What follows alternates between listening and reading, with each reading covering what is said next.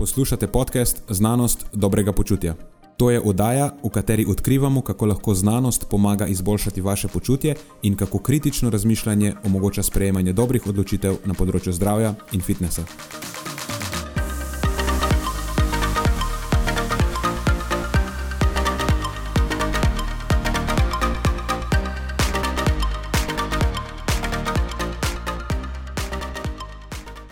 Je spet tisti čas v letu, ko je čas za uh, introspekcijo in uh, retrospekcijo, oziroma samo refleksijo, kot temu rečejo. Oziroma, bolj primerno bi bilo reči, da je to v bistvu čas, ko uh, razkrijemo rezultate te introspekcije in retrospekcije, ki je idealno potekala skozi celo leto, zdaj pa bomo nekako strnili te svoje zaključke. Kaj je, ni čas zdaj za. Um januarske detokse, pa skušavalne diete, pa vem, laufanje na šmarkov, zaviti v polivinil. Pa, na tešče, ne pozabite. Na tešče, a, a ni, mislim, kakšna introspekcija, o čem ti govoriš? Ja, očitno nisem na tekočem. Začenjamo nov trend, zamenjamo tisto s tem. Ok, ja, bo to neke drugačne vrste detoxing. Mogoče. Mm -hmm. Lahko tako temu rečeš. Mm -hmm. Ja. Glavnem, to bo spet ena tistih epizod, ko bi bilo bolj primerno, da se podcast reče umetnost dobrega počutja. Preden začnemo, pa se moram zahvaliti še našim sponzorjem. Zaenkrat to še vedno ni velika korporacija, temveč zvesti poslušalci, ki nam izkazujete zaupanje in podporo s prijavo v našo člansko skupino Znanost dobrega počutja. Hvala vsem, ki s tem držite luči prižgane in omogočate podkastu, da raste in postaja še bolj kakovosten. Hvala tudi vsem, ki nas podpirate s pozitivnimi komentarji in visokimi ocenami, ter s tem, da priporočate podcast svojim znancem in prijateljem. Zdaj pa je končno čas za začetek epizode. Uživajte ob poslušanju.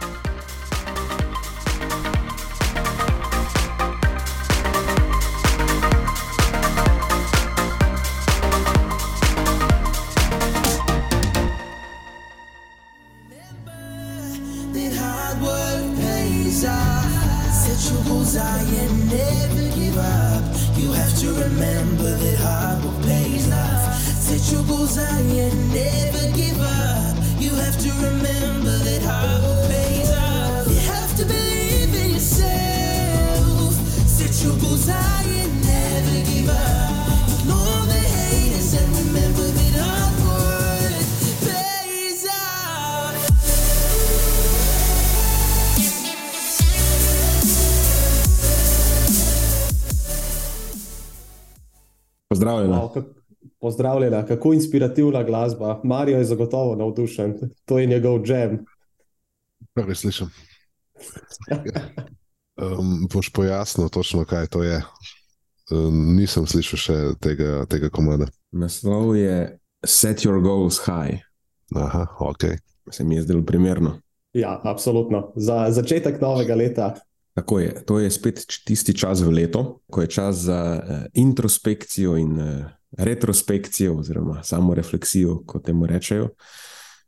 Oziroma, bolj primerno bi bilo reči, da je to v bistvu čas, ko uh, razkrijemo rezultate te introspekcije in retrospekcije, ki je idealno potekala skozi celo leto, zdaj pa bomo nekako strnili te svoje zaključke.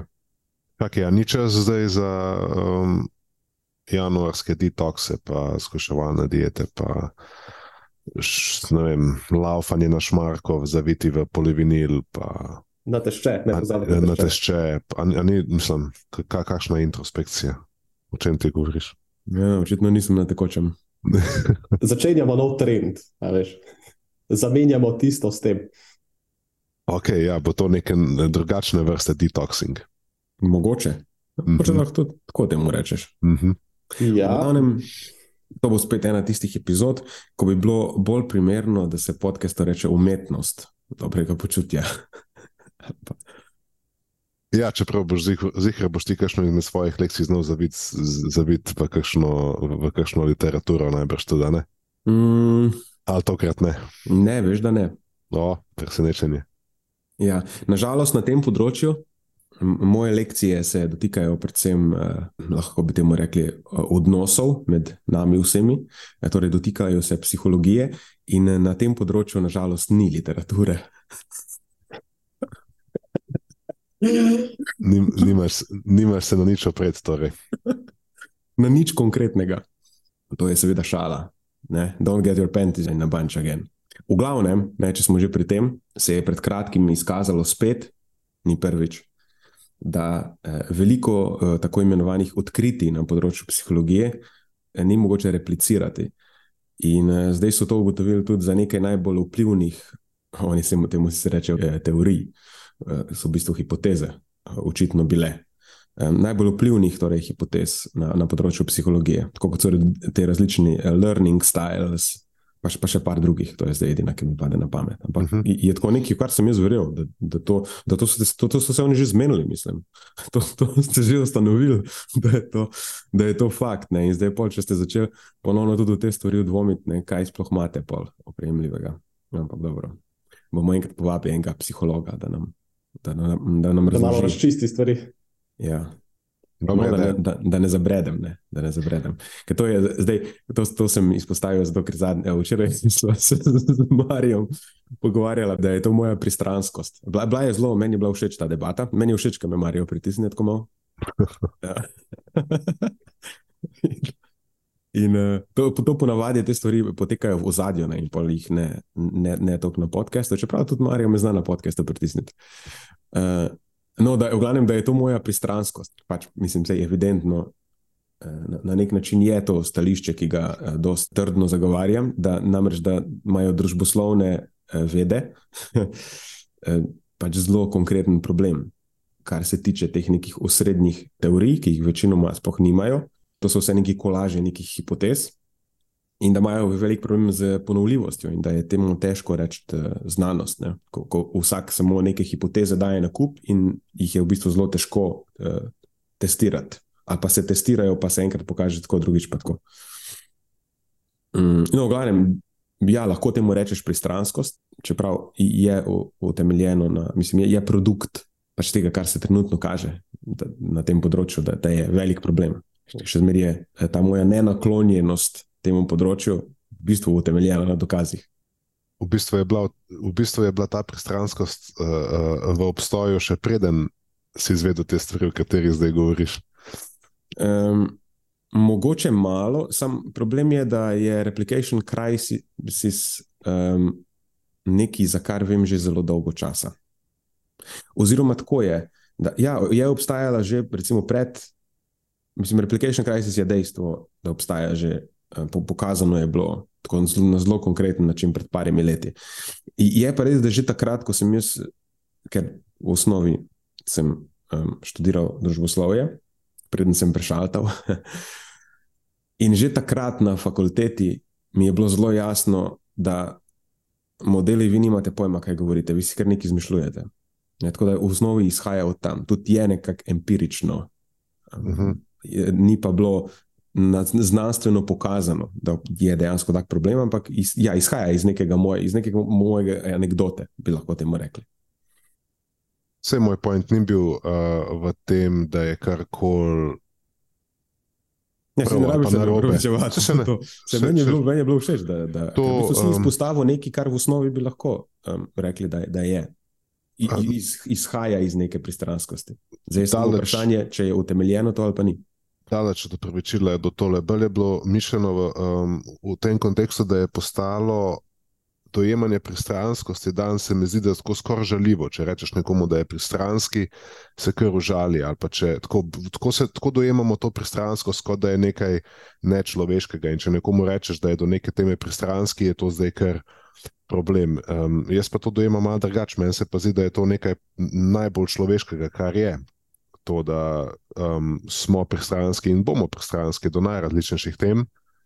Um, in, in ne zdi se mi smiselno pri tem bežati ali poskušati uh, težiti k nepristranskosti v, v, v vseh uh, aspektih, ampak da, da jih znaš bolje prepoznavati, ne? da ugotoviš, mogoče do katerih tem pa zaradi določenih razlogov, izkušenj, um, si lahko bolj pristranski in, in v kakšnem oziru.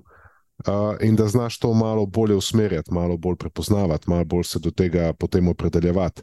Se pravi, to je bil moj, moj point, ne pa da v bistvu je karkoli narobe s tem, če imamo določene uh, pristranskosti. In to se mi je samo zdelo, da v tvojem primeru zna biti ena izmed njih, mm. in zato uh, um, si tudi sam bolj, recimo, ne, preudaren v tem, kako ok, na eni strani malo bolj um, bocneš, ker neko stvar namenoma rečeš tako, da je provokativno, ampak na drugi strani se pa pač um, znaš omejiti oziroma držati neko mejo, kje, kjer pa vse en to ne postane potem um, zdaj napad um, na, na, na, celotno, na, na celotno vedo. Tako da to, to je bil samo moj point, mm. no, da v bistvu to pristransko zdojemamo malo mal narobe, no, po moje. Drugač, se razmišljal sem, če bi to dal med lekcije eh, tega leta.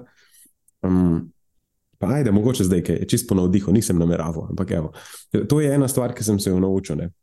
Da dostkrat izpade, uh, kot da gojim neko vrsto pristranskosti, ker namenoma sem nekih, pri nekih temah uh, tako inflamatoren, a, a pa dajem vtis, kot da je to nekaj, o čemer ne nameravam spremeniti mnenja. Ali pa celo mogoče dvojem arogantno. Pač to je nek. Um, Eke, kako bi temu rekli, ek, skoraj ekvivalentno je nekemu clickbaitu. Včasih stvari, kakšne namenoma povem, um, čeprav so po mojem čisto korektne, jih povem, ker so v, v skladu z dokazi, ampak namenoma nastopim malo bolj um, prepričan, kot, kot bi mogoče bilo najbolj, najbolj primerno. In potem, ne, da dajem vtis, da sem aroganten ali kar koli. Uh, in zadnjič enkrat se spomniš, Marijo, ki so se malo šalili. Um, v tem mojem nastopu obstaja nekaj, kar določene ljudi sproži. Da tudi obstaja neka posebna vrsta nasmeška, ki jo ljudje zamerijo v tem trenutku. In v, na enih poročilih sem jaz ta nasmešek, ta ne, nepridipravski nasmešek, ujel še pri nekom drugem, in sem se prav tako ujel. O, oh, fuk, A to je to, kar, kar uh, Marijo misli. In uh, to je bil nasmešek Jana za Janše. Uh, sem, jaz sem vprašal, ali oh, sem jaz prehranski Janez Janša. Spomnim se tega, ja. zabavni, zabavni dnevi so bili to. Oh, Ampak se spomnim pravno, ki sem ga videl na TV-ju in rekel, to je prav sprožajo, jaz tem. Noč ni rekel, sem nasmejal se, je, ker ve, da ima prav. in, tako, in je bila, po mojem, v njeni glavi eksplozija. Ja, no, never mind. Nisem hotel zapeljati na politično področje. Uh, jaz sem politično neopredeljen, drugače, nimam noben, nobenih favoritov, no, še zdaleč ni to Janez Janša. Uh, čeprav vidim tudi, da ima plus in minus tudi pri njemu, ampak ok, pustimo to zdaj ob strani. Kaj se hoče reči? Ja, da sem se v bistvu to naučil, uh, da je bo mogoče v nekih trenutkih potrebno stopiti na, na bremzo na tem področju pa biti manj in your face, ali pa namenoma želeti vzbujati neugodje v poslušalcu. Ja, zanimivo si to prepoznal. Um, vse s tem namenom sem ti tudi to povedal, ne? ker um, način, kako mi razmišljamo in način, kako mi komuniciramo drug z drugim, ali pa kako okolje znotraj naše ekipe ustvarjamo, je, je specifično, je edinstveno. Uh, ampak na vzven to ni vidno. Tako da, ko nastopamo na vzven, naša publika, vsi, ki te spremljajo, ki berejo naše, so pa deležniki teh osebin, um, nič ne vejo o tem, kako mi funkcioniramo, ali pa pač zelo omejeno. In potem, ko so izpostavljeni nekim informacijam, jih lahko sproži že najmanjša simpatija ali pa antipatija v tem primeru, ki govoriš. Ne? Mm. In zdaj. Če, če, so te, če so te stvari, ok, posebno subjektivne narave, v redu, ne moreš, seveda, biti vsem uh, všeč in ljudje bojo narobe razumeli ali pa drugače od mišljenega, ampak do, določene stvari pa lahko vplivaš. Ne? In point je bil samo v tem, da vplivaš na to, na kar lahko vplivaš. In da pri sebi prepoznaš, zakaj določene stvari komuniciraš na določen način, ki očitno niso namenjene slušateljem, ampak izhajajo izključno iz tebe, iz nekih ja. tvojih vzorcev, iz nekih tvojih potreb, potem da bi dosegel nekaj, kar. Če pogledamo čist z perspektive, nima dodane vrednosti, ne pripomore k temu, da bi bilo sporočilo bolje razumljeno, Um, v bistvu je celo k temu kontrira.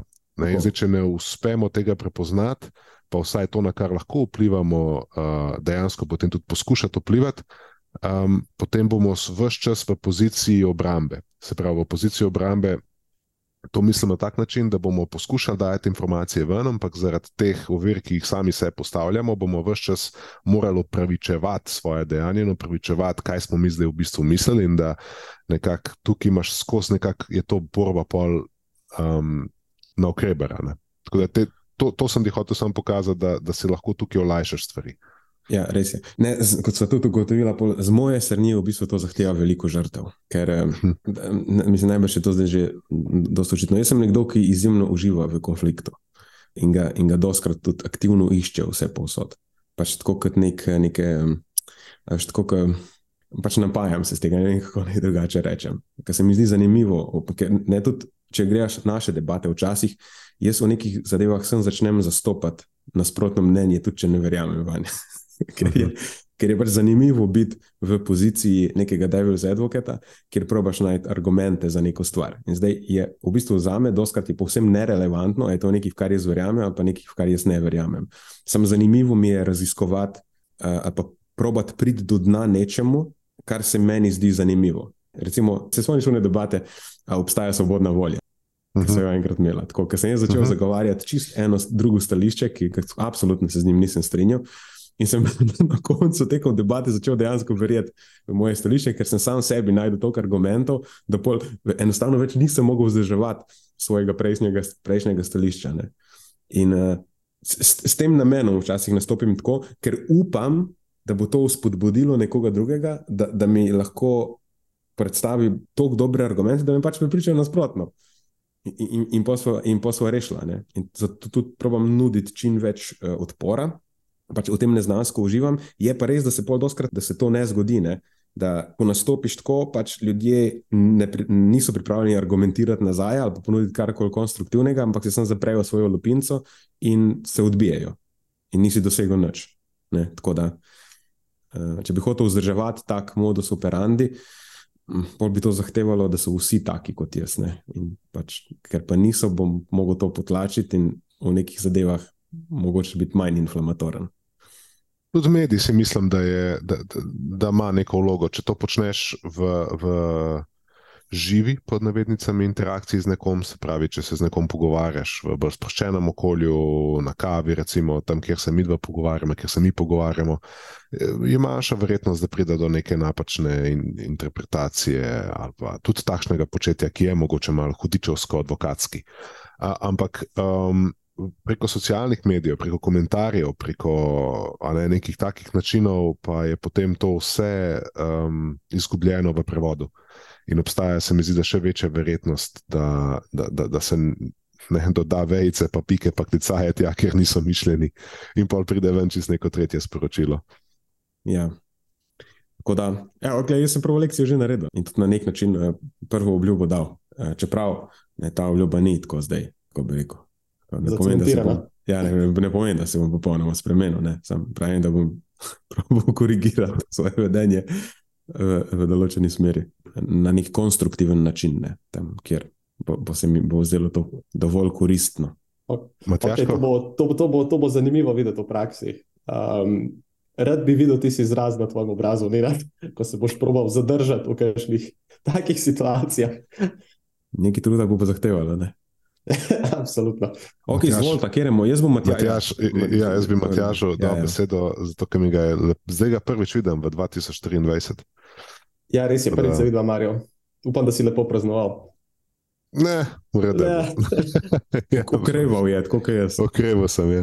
Aha, okre, okreval je. Oba dva, oba dva sta bila um, opačljivega zdravstvenega stanja, ne, zato smo se odločili, da se ne družimo za novo leto. Ja, iz preventivnih razlogov je bilo ja. druženje odpovedano. Da ne izmenjamo da... kakih patogenov po nesreči. Ja. Tako zelo odgovorno odvajal. Uh mhm. -huh. Lahko bi imeli vsaj neko zoom žurko. Zoom, je... ja, Evo, vse imamo zdaj. To je tako, um... tako zaznamovalo pretekli dve leti.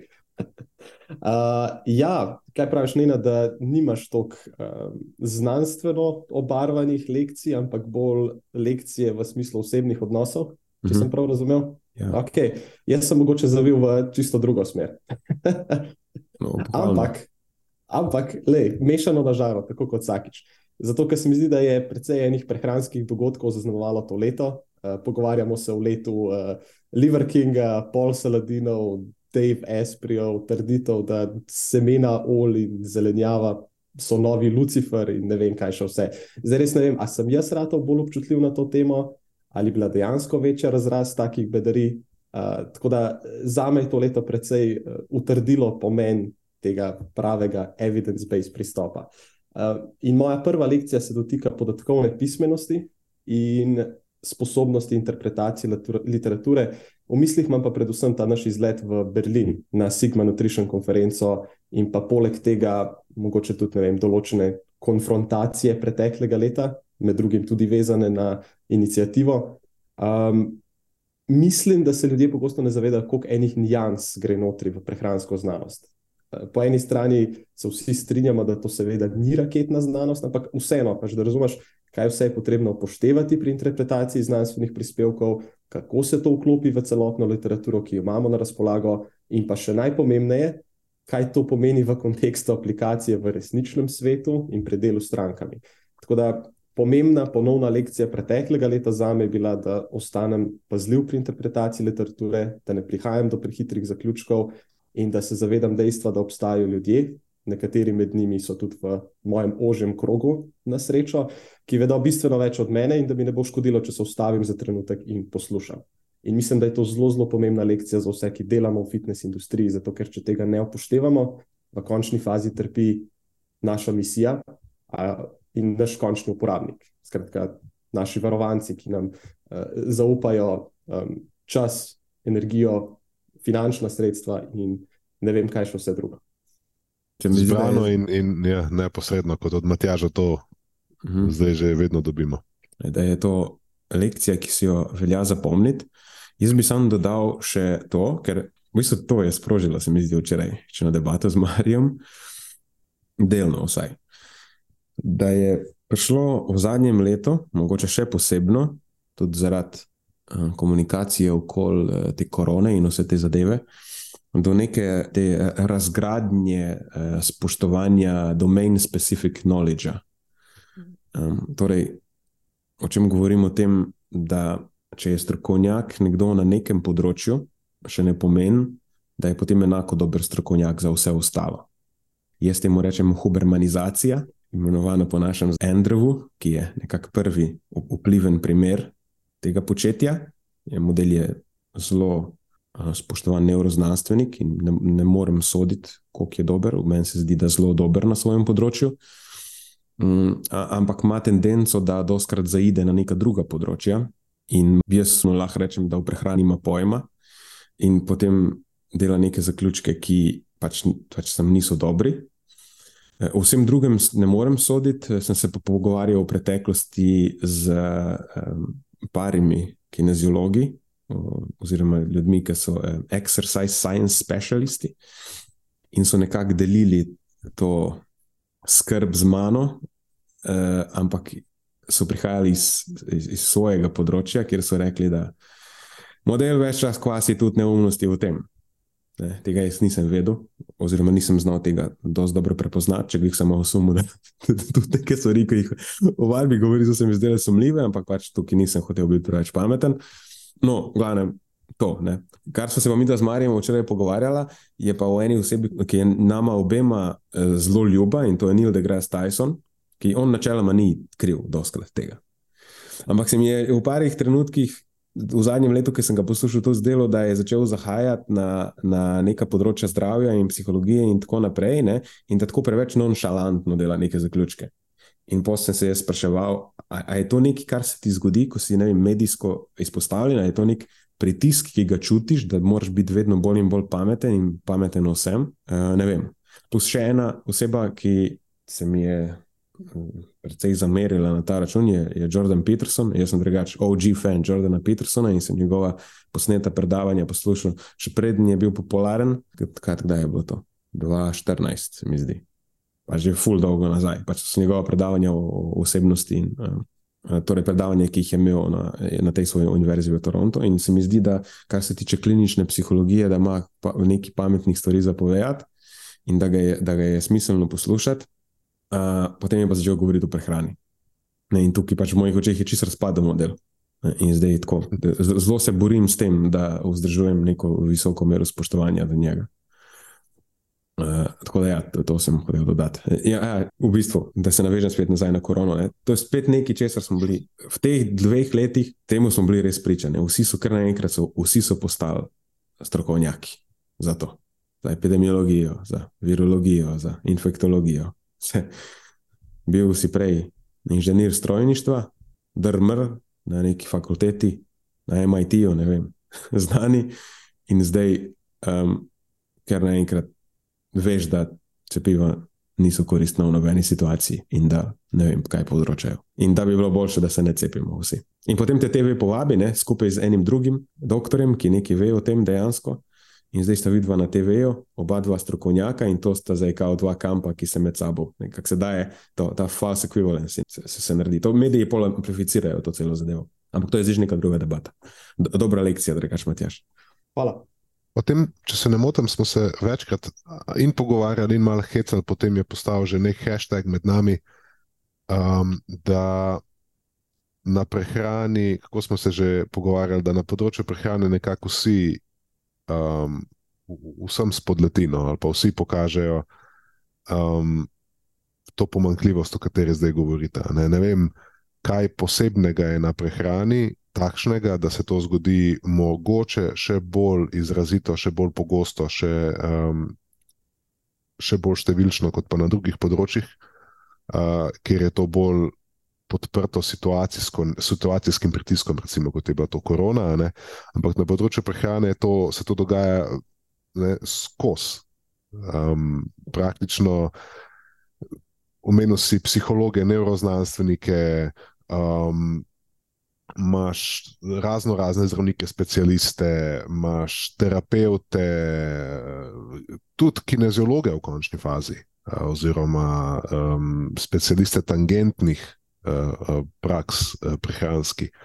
Um, Ki enostavno že samo s tem, ko, ko, ko so to, kar so, je prehrana nekaj, kar dojemajo, da je lahko je del njihovega toolboxa in pač to tudi znajo. In tudi nastopajo na tak način, da so malo manj radovedni, kot pa so direktivni v smislu nagovarjanja. Ne? In to je nekaj, kar je meni eh, zanimivo. Pogosto se sprašujem o tem, ali je osnovni razlog v tem, da enostavno. Vsi se prehranjujemo, torej vsak potem ima neke svoje, svoje opažanja na osnovi tega, in se že čuti bolj uh, samozavestnega podajati uh, konkretna priporočila, še posebej, kot je rekel, ne pod pritiskom tega, da se od njega pričakuje, da je neka zakladnica znanj. Ampak, če bi to držalo, potem bi, bi, bi najbrž tudi vsak, ki vozi avto, čutil tendenco, da pametuje o tem, kako se avto popravlja. Ne? Ali pa vsak, ki se ukvarja s telesno dejavnostjo, bi potem bil ful pameten o tem. Pa ne vem, ali se to zgodi v enaki meri, kot pa se to zgodi pri prehrani. Se sprašujem če to pol uh, dejansko um, drži. Ali pa je stvar tega, da prehrana je v mnogih ozirih že bližje, kot si omenil, prenijati politiki, ali pa um, ne, se pravi, že bolj neka vera, bolj neka opredeljenost, bolj neka, um, nekaj, v kar verjameš. A, a je to pol neka taka stvar, ki pa ljudje vidijo, najdejo nekaj znotraj tega sveta prehrane, v kar se jim zdi uh, logično. Uh, um, ali pa kar jim je blizu, uh, in to potem zagovarjajo um, bolj na tej ravni vere, kot pa, kot pa dejansko dajo temu neko um, znanstveno težo. To je bolj samo preizpraševanje, ker sem hotel samo dodati nekaj na to, kar si Matjaš povedal, nič kaj več kot to. Ne, si dober point. Mislim, to bi bil moj eh, favorit, da, da obstaja v njih nek uh, confirmation bias, in pol najdejo par kosov informacij, ki njihovi pristranskosti ustreza, za kaj več pa nimajo časa, ker to ni njihovo področje, ne? niti jih zanima do te mere, da bi se v to poglobili. Drugač pa en disclaimer na tej točki. Ne, Sej, ne gre se za to, da ti izraziš svoje mnenje o nečem.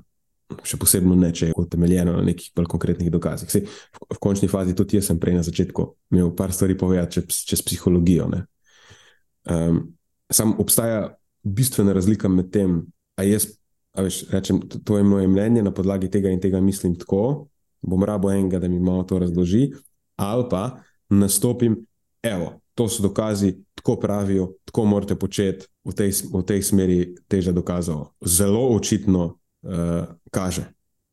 Temu, mejo, pre, mislim, mejo prestopiš, ko, ko, ko recimo, mejo bi prestopil, če bi se začel videti psihologa ali pa kakorkoli. To, se, to sem hotel reči. Ja, ja, in, in, in tukaj ljudje na področju prehrane mejo prestopajo praktično vsakodnevno na vseh možnih kanalih, kjer konkretne nasvete podajajo, um, ker splošno ker univerzalno podajajo en set na svetu, v katerega so uspeli nekako sebe, ker so sebe prepoznali in zdaj nekako generalizirajo to, uh, um, oziroma sklepajo na vzven na širšo populacijo, čez brez um, neke.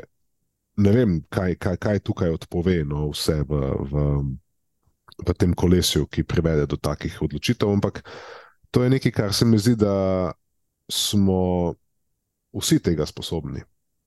Um, zdi se mi, da je tako ponižno spoznanje, da smo vsi tega sposobni, da smo vsi sposobni neumnosti na različnih področjih, odvisno, kje nas ujame, kje, kje nas kdaj ta ujame, v kakšni situaciji, v, kakšni, recimo, v kakšnem čustvenem krču se morda znajdemo, na kakšno tipko, kakšna situacija morda prinis, pritisne pri nas in se lahko ne, da bi sploh poštekali, kaj se dogaja, znajdemo nekje v um, seriji nekih butastih odločitev. Ne? Um, to, to je mogoče, evo, če sem jaz na vrsti za, za lekcijo. Um, jaz sem vsakič, ko je Nenad predlagal ta podcast, sem se mu poskušal izviti. Um, vsakič, ko smo se tu z Matjažem pogovarjali o tem, da bom napisal letos uh, ta zdaj že. Um, tradicionalni, lahko rečemo, tradicionalni zapis lekcije preteklega leta. Če bi se zgodil že sedem, osem let zapored, sedem let pole že. Ja, ja. Pa sem kar vedno našel neko plast izgovorov, zakaj pa je to brez veze, pa zakaj. Uh, tako ali tako noben, uh, noben ga to ne zanima. Pa, pa tako vedno sem se nekako distanciral od tega leta, poskušal sem nekako to pomesti, sej boste se videla pomenila. Sej, ne, ni, ni mi to bilo uh, zelo blizu in tudi pogovarjali smo se na poti na tisti koncert v, v, v Split. Um, zakaj to počnem, in vama je zelo jasno, nisem nekako, iščem načine, kako o tem komunicirati na vzven, lahko sam napeljem. Um, ne bom govoril o lekcijah, govoril bom o eni zgodbi, kjer se navezuje na to, o čemer smo govorili v prejšnji lekciji. Pravi, kako smo vsi lahko v bistvu žrtev nekih neumnih odločitev. Um, Pa tudi, če to pomeni, da bomo podajali neke, neka navodila na področju prehrane, ki ne držijo, za katera sploh nismo bili pozvani, da jih delimo, ampak bomo to počeli iz nekih notranjih vzgibov, ker smo um, se znašli v situaciji, katere ne znamo kontrolirati, ali pa sebe znotraj nje. In to se je zgodilo, recimo, meni, da bom samo en kratek backstory. Um, letos, oziroma v četrtek, bo minilo eno leto, uh, odkar, odkar se je poslovila moja mama. In um, določen čas nazaj je bil tudi moj oče v bolnici in sem se pelil pač tudi njega obiskati v bolnico. In lahko si predstavljate, da se je, um, sicer ne bom govoril o podrobnostih um, situacije z mamo, ker pač recimo, da je bila bolj, bolj traumatična, kot pa bi bilo to v nekih normalnih okoliščinah. In ko sem uh, se pogovarjal tam začetkom, pa ko sem ga obiskal, pridejo nekak, neke. Neka čustva, neki strahovi, neke, ne, neke stiske, spet nazaj, vse se ti to skupaj malo pomeša, spomini se začnejo vračati. In jaz sem se pelil v avto. Jaz sem se pelil v avto nazaj iz bolnice na Ptuju, sem se pelil v Ljubljano in sem se vmes ujel v ta val nekih občutkov, nekih misli, nekih. Um, Si lahko predstavljate, ne rabim biti preveč brvic z besedami, se vsake to poslušam, mogoče se lahko prepozna v neki situaciji, kjer je bil prevzet. No, in takrat sem bil na nek način, sem se znašel kot na avtopilotu. Um, ustavil sem se na neki benzinski črpalki, ustavil se je mi mene, mi mene se je pripeljal nek fancy avto z italijansko registracijo, ven sta prišla dva, uh, oziroma en um, gospod, ki je deloval na prvi pogled. Se ga sploh ne vem, če bi ga znal prepoznati, če bi mi jih pokazal tukaj le pet, pa bi rekel, da ne ga prepoznam. Ne vem, če bi ga eh, znal, ker mi sploh ni bilo važno, bil sem kot rečeno v nekem drugem filmu in on je meni takrat ponudil nek del, kao, le tukaj imamo nek. Mi se pelemo iz tam pa tam, se, se sploh ne spomnim zgodbe, tako zanimivo je. Ne? Iz tam pa tam, mi smo kao nek. Um, pelem se domov, imam tukaj neke obleke, jaz sem tisti glih hotel, sem um, pred časom sem že rekel, maj, je, jaz bi bilo bi ful dobro, če bi imel za na motor eno leder jakno. In on meni pokaže tam neko leder jakno, kaj ima, pa kao, da ti dam to, a veš, pa se neki kao zmenjava, jaz mu dam neki cash, ki sem ga imel v denarnici, neki gotovine, vzamem tisto leder jakno in, in to je nabašam v avto in se odpeljem. In jaz sem čist pozabil na to. Pridem jaz domov in mene tako pride za mano, kot en val, tako, čakaj kaj, kaj se, kaj se je glihkar dogaja, kaj se je glihkar zgodilo. A sem jaz slučajno kupil leder jakno na benzinske črpalke, to dejansko se je zdaj zgodilo. Ne? Tako za trenutek, ker ima en time loop, a veš, kaj se je zgodilo. In meni valjda hudič ni dal miru. Ne? Zakaj zdaj o tem govorim? Jaz sam sebe na vzven poskušam držati in na vznoter, ampak na vzven tudi v komunikaciji in v odnosu do vseh, ki spremljajo naše delo, ki spremljajo good, do vseh vas, kot nekdo, ki je premišljen v svojem odločanju, ki, ki, ki, ki ni nek impulzivni um, divjak, ki pač ne zna brzdati svojih uh, emocij, se pravi, se zaveda teh pasti, kam, kam te lahko vse to pripelje, in poskušam biti razumen, težim k temu, da. Uh, lej, dejansko smo postavili, da ne zgubljam besed, kritično razmišljanje, eno izmed naših temeljnih vrednot. To bi mogli povedati dovolj da, da, da je v bistvu to nekaj, k čemu dejansko stremimo. Um, pa lej, ne, kaj se lahko zgodi. In se ujameš šit, a veš, spodletel mi je na nekem osnovnem nivoju, in to je bilo za me zelo zanimivo, da moramo reči spoznanje, no, zabito v to, v to mogoče malo predolgo zgodbo. Kaj večina ljudi stori? To je zdaj, recimo, vprašanje tudi za vaju. Lahko. Kaj večina ljudi stori, ko se znajde v neki taki, pa da jo uporabljati kot arhetipsko zgodbo. Se pravi, jaz sem kupil eno jakno na, na, na, na, na benzinski črpalki, ker sploh sem bil v nekem drugem filmu, ker sem bil v nekem čustvenem krču, ker se je z mano dogajalo nekaj, kar sem očitno rabo. Rabu sem, da se spravim ven, rabu sem, da se bolj počutim, rabu sem neki, da zdaj go my way, a ne rabu sem neki, da je, veš, nek, nek tok pozitivnih misli. Kaj pa, ko se recimo nekdo drug znajde v eni taki, znotraj neke take butaste odločitve? Recimo, da že tako tako je strapped for cash, nima denarja, fura se v, v 20 let starem Citroen Saxoju, uh, ima mehkega otroka, ima težave z zdravjem, ima težave z odvečno telesno maso, težave ima z kontrolom svojega prehranjevanja. In evo, sreča enega, sreča enega predstavnika Herbalife, ki mu je zdaj ponudil rešitev, kako bo on lahko z um, njegovimi šejki rešil svojo prehransko zgodbo. A je to ena taka podobna zadeva, ker človek ima cel kup enih težav, ker je zdaj našel mogoče neko rešitev, mu je nekdo mu je ponudil rešilno bilko in on se zdaj znajde v situaciji, kjer kupuje za pol kile 50 evrov šejke, ima pa težavo finančno, a ne poskrbeti um, svojo, svojo, recimo, sebe in svojo družino. Ali pa lahko najdemo 25 takih različnih primerov, kjer se znajdemo, um, ali pa ne vem, kaj smo gledali po televiziji na zadnje, on be happy, ali kakršen koli kult že, ali pa neke te. Pripeli prijatelja, pa boš dobil nekaj, ali pa razno razne te scheme, schematike, na tege. Uh, le januarja smo, januarsko razstrupljanje, Ej, en ti proda tam neke kapsule, da boš ti te zdaj jedel, pa da boš jedel razstrupil, pa da ti bo to pol pomagal hujšati, ker ti je en trener tam prodal zgodbo, da če se ne razstrupiš, tako sploh ne moreš hujšati. In tako dalje, in tako dalje. Se pravi, po tej liniji najmanjšega odpora um, izbereš neko odločitev in se znajdeš noter, in kaj večina ljudi takrat naredi. Kakšne so recimo uh, reakcije? Zdaj, ena izmed reakcij je sigurno ta, da te je sram. Ja, ampak drug bi rekel, da probiš to racionalizirati na nek način. Veš, pa se je rabo jakno, pa se je dobra jakna, pa se ni bilo, pa nisi ja. rabo iti v trgovino, če glih je bil ta model na pumpi. Ja, veš, pa se ni to neumno. Prav, prav, točno to, točno to. Se pravi, sem, meni, je, meni je bilo potem zanimivo, kaj bi zdaj bilo normalno z moje perspektive narediti. Zdaj, ena izmed najbolj naravnih reakcij se bi zdela, kaj bi človek na moji koži naredil. Um, poskušaš to skriti pred svetom, skrit pred sabo, čim prej pozabiti, skrit pred svetom, da noben ne ve in da ne mislijo, da si neumen, da si debil, da ne mislijo nič slabše od tebe, ker ti pa pač si nekdo, ki se absolutno ne da na tega na tak način. Um, Sprav poskušaš dejansko to skrit, in če ne moreš skrit, ko ne moreš skrit, v končni fazi ne moreš skrit sam pred sabo, ko to spoznaš, pa to, kar si rekel, racionaliziraš. Ne, racionaliziraš, predstaviš to zgodbo na način, da pa v bistvu si si naredil uslugo, ker le zdaj vsaj ne rabiš iti v trgovino, pa zapravlja denar, vsaj tam si. A veš, se pravi, racionaliziraš, uh, poskušaš sram uh, držati stran, ne govoriš, absolutno ne govoriš o tem javno.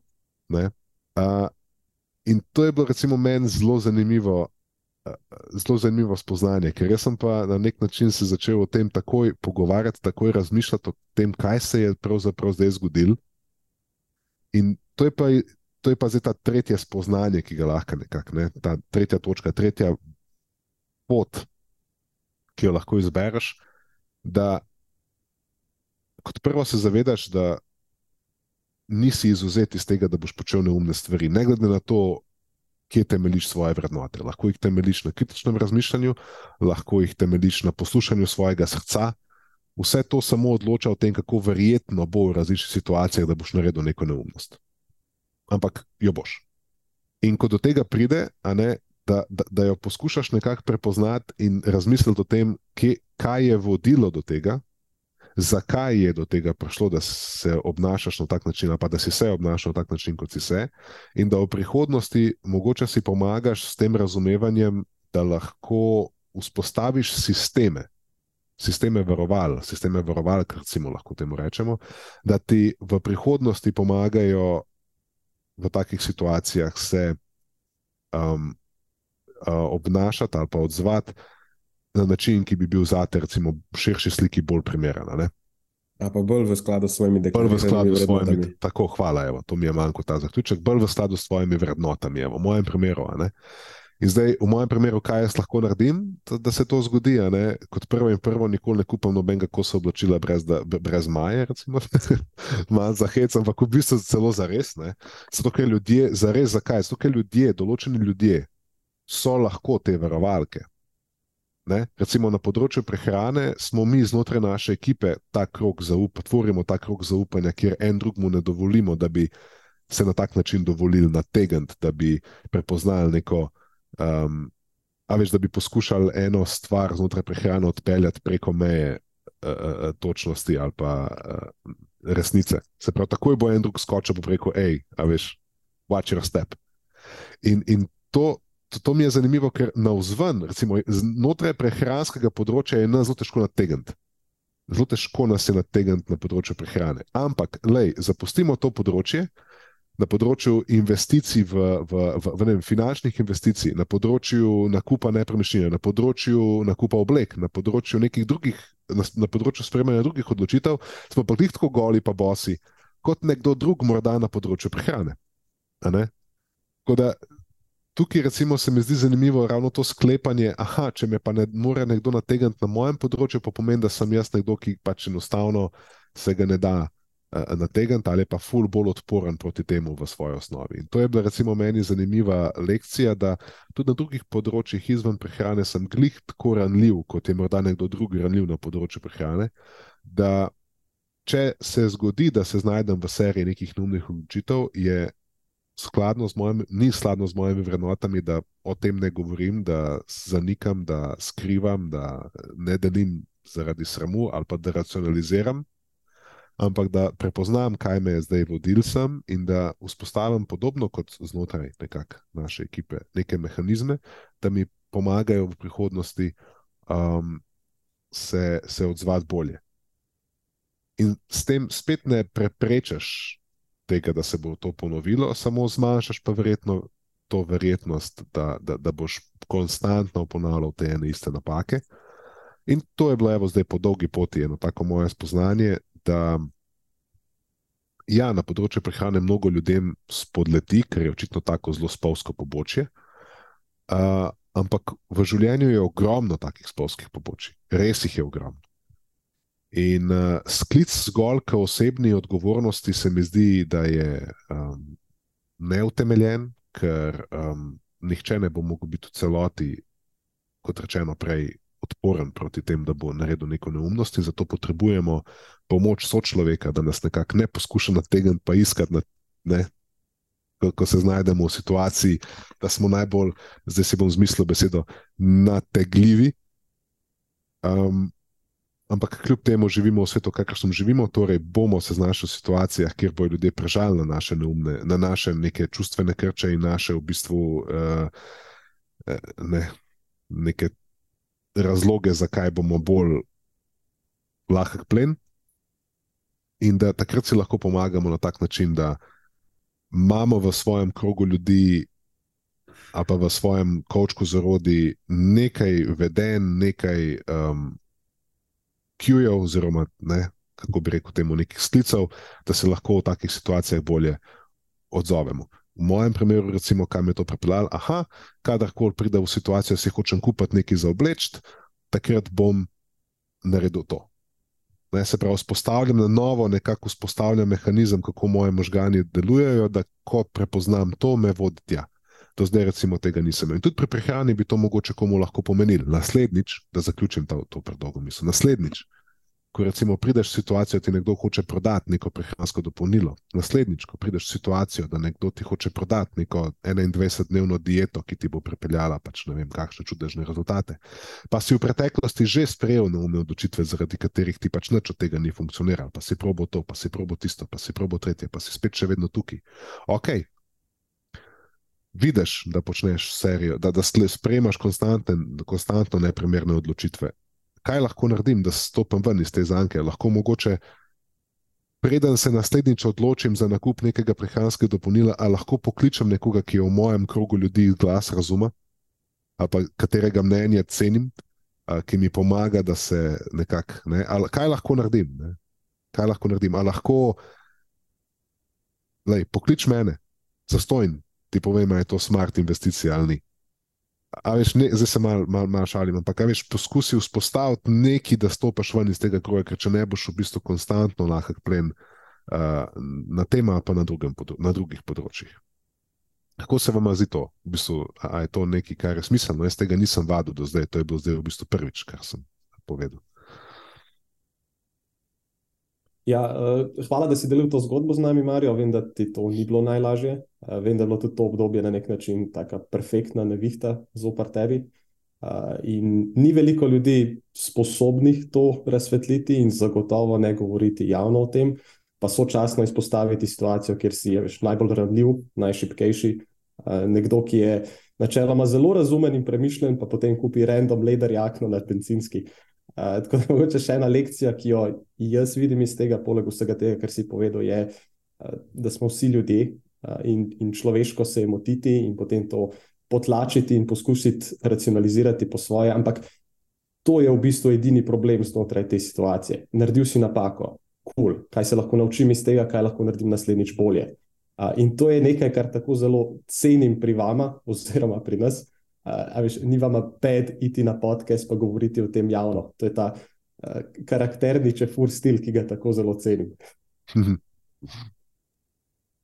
Ne bi, ja, mogel, še, ne bi mogel še povedati. Ja. Tudi jaz pač cenim, da si dejansko bil pripravljen o tem uh, govoriti. To zgodbo mi, da se o tem že pogovarjala. Uh -huh. uh, nisem mislil, vedel, da nameravaš na podkastu še enkrat ponoviti. Ja, meni se je zdelo super. No. Se mi zdi, da je lahko zelo vplivna učna izkušnja tudi za vse, ki jo bodo slišali.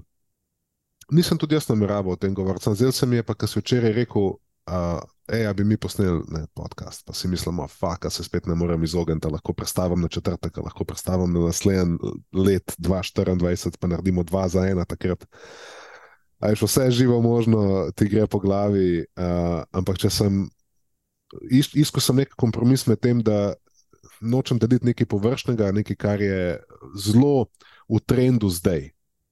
Če, če smo pozorni na vsebine, ki prihajajo konec leta, pa začetek leta, vsak drug iz naše stroke ali pa iz drugih strok daje ven spoznanja, lekcije in vse te so tako v enem stavku opisane, ali pa nekaj, kar je bolj namenjeno bralcem in followerjem, kot pa dejansko je iskreno in prihaja od. od, od ne, da, da, da dobiš občutek, da je res človek. Zdi se ti, da se to si že vedel, zdaj si zdaj pač ven zato, ker je popularno. Um, se pravi, nočem dati nekaj tako generičnega ven, kar, kar se bo s čimer ne bi bil zadovoljen, po drugi strani pa se nočem spuščati v, v neke temačne ulice svoje, svoje, svoje letošnje preteklosti, ker pač tudi to eh, mogoče ni time and the place. Ampak ta zgodba se mi je zdela zanimiva, da jo lahko delim zato, ker nekako je nekje vmes.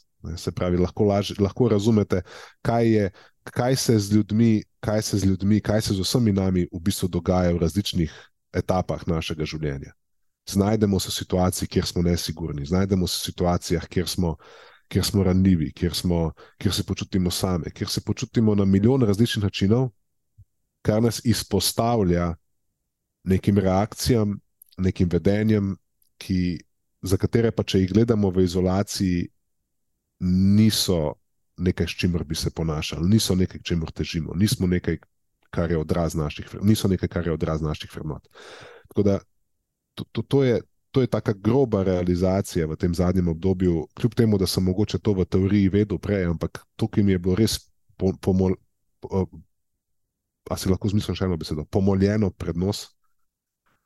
Um, in, in temu nisem mogel pobegati. E, in, in zato sem hotel nekako um, to podeliti, ker mogoče pa se še kdo v tem prepozna, pa je bil vajen reagirati tako, kot je v bistvu precej naravno reagirati um, ampak mu to ni pomagalo narediti koraka ven iz tega, da bi mogoče bilo teh situacij pa v prihodnosti, kljub temu, manj, če jih že ne more biti nič. Perfekt. Kdo bo naslednji, Matjaš? Pa mislim, ne, da smo zaokrožili. Po mojem, si ti zaslužiš platformo. Ne, veš kaj, jaz bom, moja lekcija, jaz jo bom prihranil za na konec, da vem, kako, če jo moramo ustrezno skrajšati, oziroma kako jo moramo ustrezno skrajšati. No, ti si tisti, ki je bil redko beseden, tako da izvoliš. Super. Uh, potem bom mogoče naredil uvod v to lekcijo, tako da se na hitro navežem na nekaj, kar si ti prej rekel, Marijo. In sicer zakaj se ljudje, ali pa zakaj ljudje tako pogosto propadajo ravno na prehranskem področju. Uh, jaz bi rekel, da je to kombinacija večjih dejavnikov. Uh, en je ta problem ega in podcenjevanja prehranske znanosti. A veš, si nek priznani neuroznanstvenik, kaj pa je potem prehrana za me, in tako jo obvladam, pa lahko potem govorimo o nekih dokončnikih, ki se aplicirajo za celotno populacijo. Pa sta pa naslednji dve točki, ki si jo ti že omenil, Marijo. Ena je ta eh, podnarekovaj razširjenost, da veš, vsi jemo varianta, vsi imamo potem lahko neko mnenje o tem. In, in tretja bi bila ta neka, neka vera, neka opredeljenost, pa neka pristranskost. In tukaj bi se navezal potem na svojo naslednjo lekcijo. In sicer, če želimo imeti nek iskren pogovor o vplivu prehrane na zdravje, potem je pač potrebno narediti eno tako zelo pomembno ločnico med prehrano in pa med svojo identiteto. Ker po eni strani živimo v svetu, kjer uh, ima zelo veliko in vplivno platformo en model, ki gre brez majice v trgovino in se potem na vas glas dere, da zelje in druga zelenjava ne morata biti del zdrave in uravnotežene prehrane. In ta oseba je prepričala na stotine, če ne tisoče ljudi, da je prehrana, ki vključuje izključno meso, optimalna za zdravje. In pa, recimo, tudi na drugem koncu tega spektra, pa imamo neke strokovnjake um, na našem področju, ki pa recimo popolnoma zavračajo ali pa vsaj dajo tako občutek na vzven, um, da recimo nek, nek bolj plant-based stil prehranjevanja ne more biti ne vem, ugoden ali pa vsaj nekako malo bolj prehod v to sfero. Uh, mogoče bi tukaj se ustavil na tej točki, ker vem, da je to ena tema, ki bomo enkrat malo bolj podrobno razdelili na podkastu. Sam želim prikazati situacijo, kako absurdno daleč smo prišli v prehrani. Lahko opaziš tako zelo jasen trend tega, kako so eh, številni ljudje potem zaslepljeni na nek način strani neke ideologije, ki se dejansko potem preprečuje tisti evidence-based evidence pogled na prehrano. Tako da, če se vrnem na to lekcijo, ne, če želiš imeti iskren pogovor o prehrani, uh, potem pač moraš narediti ločnico med prehrano in pa identiteto. Uh, in zdaj, recimo, če bi to apliciral na sebe, ker je to moja lekcija.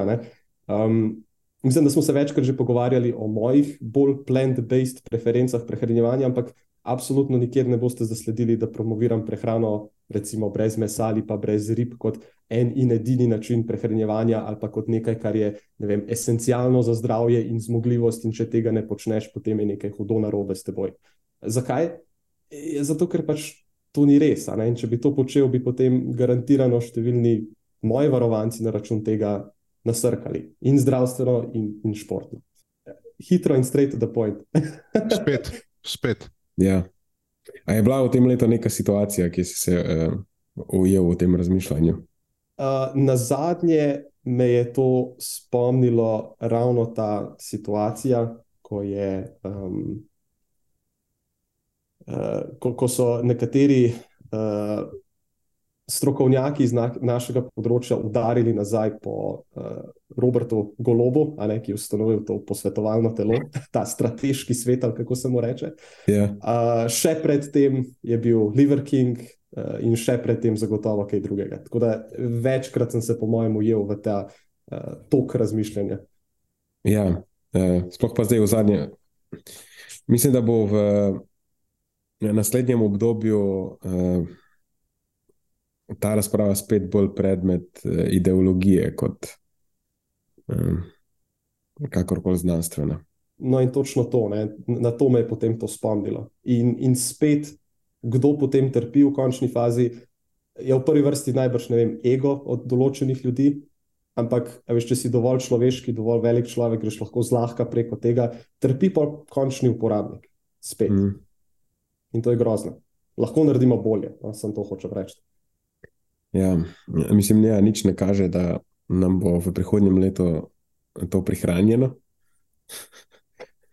Oh, slike, ki sem, vedno bolj ja. inflamatorno. Oh, une slike, ki sem jih zadnjič videl, ne vem, v kateri reviji so bile objavljene. Um, ampak zgleda, da imamo novega prehranskega guruja. Ja. ne, ne bom povedal ničesar več. Um, ne ja, ne okay. bo to teaser za kako izmed prihajajočih epizod. Ja. Te, te temi se bomo v prihodnih epizodah verjetno težko izognili, da bi se o njej pogovorili. Na, bomo, na... ja, dejmo, dejmo, dejmo reči, ko bomo, uh, bomo poskušali konstruktivno prispevati. Um, ker ja, v bistvu smo se že no, potrudili, uh, smo se že angažirali v tej, tej smeri, uh -huh. da, mhm. bomo, da bomo konstruktivno prispevali. Tesi k tej debati, je, ja, se, pa pol zna hitro zgoditi, da kako se stvari trenutno razvijajo, da bomo tem, ho, potem eh, hočeš, nočeš ujeti v politične mline. Tukaj se zdaj zna pojaviti tveganje, da se na neki točki ne bomo pogovarjali več samo o prehranski znanosti, ampak se bomo najprej začeli pogovarjati tudi o mm, okoljevarstvenih vidikih, ki so morda vse enako, pa morda še bolj spolsko pobočje kot prehrana. In nekaj, čemer se jaz probujem izogibati v velikem loku. Moj strah je, da ne vem, kako dolgo več se bom lahko. Um, vse sicer preventivno pripravljam na to situacijo, ne, da če se zgodi, da se temu več ne bom mogel eh, izogniti, da ne bom v, v, v tem boju pristal čisto bos in brez orožja. Uh, Uh, Zaenkrat nisem tam, ampak no, pustimo ob strani to. Torej, najprej nekim okoljevarstvenim vidikom, potem pa, kar mene osebno še bolj skrbi, da bomo ujeti v neke, tako kot sem že rekel, ideološke in politične tokove. Ker tukaj ti potem več eh, dokazi ne pomagajo, ki se ne moreš sklicovati na nobeno literaturo. Tukaj je potem vse skupaj samo še na stop in ne vem, neko prepričevanje, pač neke politične igrice, v katerih noben od nas ni vešč. In v bistvu, za kere nobenemu od nas ni mar v končni fazi. Tako da tukaj bomo mi pač potegnili črto, ne? političnih igric ne bomo šli, to, to vam lahko obljubimo. Uh, to zdaj v no, normalni situaciji bi rekel. Da, vam jaz sicer ne morem za, za, za fanta, lahko za zase obljubim, ampak mislim, da tukaj pa lahko, sem, sem kar siguren, da lahko za vse tri obljubim. Ja, jaz mislim, da ne bomo snimali prehranskega Game of Thrones, uh, lahko ja. potegnemo črto. ja, ker to je pol. Ko se začne to dogajati, ljudje zelo hitro uh, popredalčkajo. Um, in, in nas ne moreš popredalčkati. Veš, kaj, ponavadi, če govorimo o politiki, se ljudje le, le, delijo v neke predalčke. Ne? Jaz še nisem videl nobenega kriterija, po katerem bi lahko za me osebno v tem primeru, bi me lahko spravil v kjerkoli koš. Ne moreš me dati med leve, ne moreš me dati med desne. Ne moreš. Ko bom videl nekaj na eni strani narobe, bom rekel, to je fucking narobe. To je, dokazi kažejo drugače.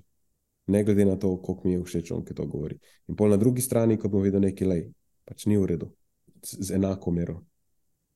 To je ta, če rečeš, ali kompetitivna prednost, ali pa neka samo zelo zanimiva in za nekatere, upam, da privlačna lasnost naša, da ne, če gledaš, kakšno ekipo tvorimo. Ne, imaš na eni strani odjane, ki je ne, v bistvu bolj glasna veganka, pa Matjaža, ki v bistvu je vegetarijanski, se o tem sploh ne pogovarja in o tem, če ga opazuješ, niti ne veš o njegovih prefer prehranskih preferencah, nič, kar je za nekoga, ki nastopa kot, ne, da rečemo, influencer, totalno nenavadno. Ne? Um, do mene in tebe, ker um, znamo zagovarjati najrazličnejše vidike. Uh, je to res težko s prstom pokažeš, da oni so pa proti veganom, a ja, ne, oni so pa proti tem, a ja, ne, oni so pa za tisto. I, ne, nismo za nič in hkrati smo za vse. Ne. Mm. Eh, zelo nenavadna skupina r, ne, različnih posameznikov zbranih. Ali pa stoječ na temelju enakih vrednot. In od tukaj imamo pač neko platformo, ki, ki, ki nam omogoča komunicirati, nagovarjati um, res na drugačnih nekih temeljih, kot pa, kot pa je to na področju prehrane zelo pogosto v tem trenutku. Um, mogoče je to tudi razlog, zakaj um, nam nekateri pravijo, da, da, da, smo, recimo, da nam zaupajo, no? ker vidijo, da v bistvu ni. Vidijo to v bistvu heterogenost znotraj ne, uh, ekipe, in um, nekaj, na kar sem v bistvu ponosen. Ja, in to je tudi, this is where the buck stops. Ne? Ker za vse ostalo mi je v bistvu vseeno. Vseeno mi je, če se pri neki stvari zmotim, če me nekdo popravi, če moram spremeniti mnenje, če bomo morali spremeniti mnenje, če bomo korigirali, morali korigirati neke stvari, če bomo popravljali članke, bomo popravljali članke, če je potrebno. Vse to je stvar debate. Vsa neka stališča o prehrani, ki jih imamo, do neke mere so stvar debate. Ampak naša neopredeljenost ni stvar debate. Tukaj. Ampak ja, tukaj se, se v bistvu stvar konča. Jaz v bistvu neke druge lekcije, razen tiste zgodbe, ki sem jo nameraval deliti, nimam, lahko delim samo eno, eno, eno misel, ki, ki povzema ali pa predstavlja to, o čemer smo govorili zdaj. Ampak, um, če imaš pa ti nenad. Ja, jaz bom pravim, prihrano bom za konec. Uh, uh -huh. Matjaš ima še eno, če se ne motim. Aha, ok, super. A imaš? Imam eno kratko, res je. No, evo. Mi smo se včeraj z Marijem namreč zmenili, da te, tebi eh, nekako um, namenoma, da te uspodbujava, da razširiš svoje lekcije čim bolj, da se ne zgodi, da bi slučajno mi dva uh, zasedla preveč prostora in da to časovno ne bi bilo ustrezno razdeljeno. Hvala vam, celim to. no, prav, pa bom pa še tole uh, zapakiral do konca. Uh, Tokrat bom pa zavil stran od teh, uh, tega prehranskega filozofiranja, pa bom še jaz pristavil lonček za uh, eno dobro namerno lekcijo za osebne odnose. To se išče. To se išče, Evo, in se je našlo. Uh, in sicer glasi se, da si bližnji zaslužijo več pozornosti, strpnosti in prisotnosti, ne pa manj. In po mojih izkušnjah, uh, vsaj tako kot večina takih lekcij, je tudi ta na prvi pogled precej samoumevna, ampak izjemno pogosto zanemarjena v praksi. Uh, mislim, da nas je večina tega krivih, zagotovo sem sebe, nažalost, pogosto preteklo, jeto, preteklo leto ujel temu, še posebej na račun tega hitrega vrveža življenja, pa pač kupice stresa, ki se znajde vse posod. Tako da umazano perilo pač peri tam, kjer si se usral, oziroma spore je treba reševati v prvi vrsti tam, kjer so se pojavili. Recimo, če te kaj muči, oziroma se je nekaj zgodilo v poslovnem življenju, ne prinašaj tega domov in potem pričakuj čista oblačila naslednji dan. Tako da, dobro namerna lekcija v prvi vrsti za me, pa za kogarkoli, ki se znajde v tem. Um, bližnji si zaslužijo več pozornosti, strpnosti in prisotnosti, ne pa manj, ne računati na to, zato, ker si v dobrem odnosu z nekom, da potem uh, izkoriščaš to na nek način. Zdaj si zadev, ki je stvar zelo, zelo sorodna, uh, sicer malo bolj meh, mehka, uh, kot je moja lekcija, ampak mislim, da ste zelo skladni. Čeprav okay. mogoče na, na, prvi, na, na prvo žogo ne boste, ampak se mi zdi, da se boste izjemno dobro dopolnili. Ok, super. Tako da jaz bom pa začel z vprašanjem. Najprej, vprašanje imam za vaju. A ste se že slišali, gre za koncept? To je bolj retorično vprašanje kot ne, ampak vseeno pričakujem odgovor. Torej, če ste že kdaj slišali za koncept eh, brezpogojne, lahko bi rekli sicer ljubezni, ampak jaz ne bom uporabil besede ljubezni, ker nekako lahko bi se to razumelo, kot da se aplicira samo na neka romantična raz, razmerja. Jaz pa želim, da moja lekcija v bistvu ni bila vezana eh, izključno na romantična razmerja, ampak je neka lekcija, ki je to leto nasplošno. Um, videl sem jo, kako se, uh, mislim, to stvar sem videl, kako se na večjih področjih se je uh, manifestirala. Um, v glavnem, da začnem najprej s vprašanjem. Torej, uh, ne bom uporabil besede ljubezen, ampak naklonjenost. In vprašanje je, ali ste že kdaj slišali za koncept brezpogojne naklonjenosti nekomu? Ja. Um, če se razumemo, potem bom rekel ja, če, če mislimo na isto stvar.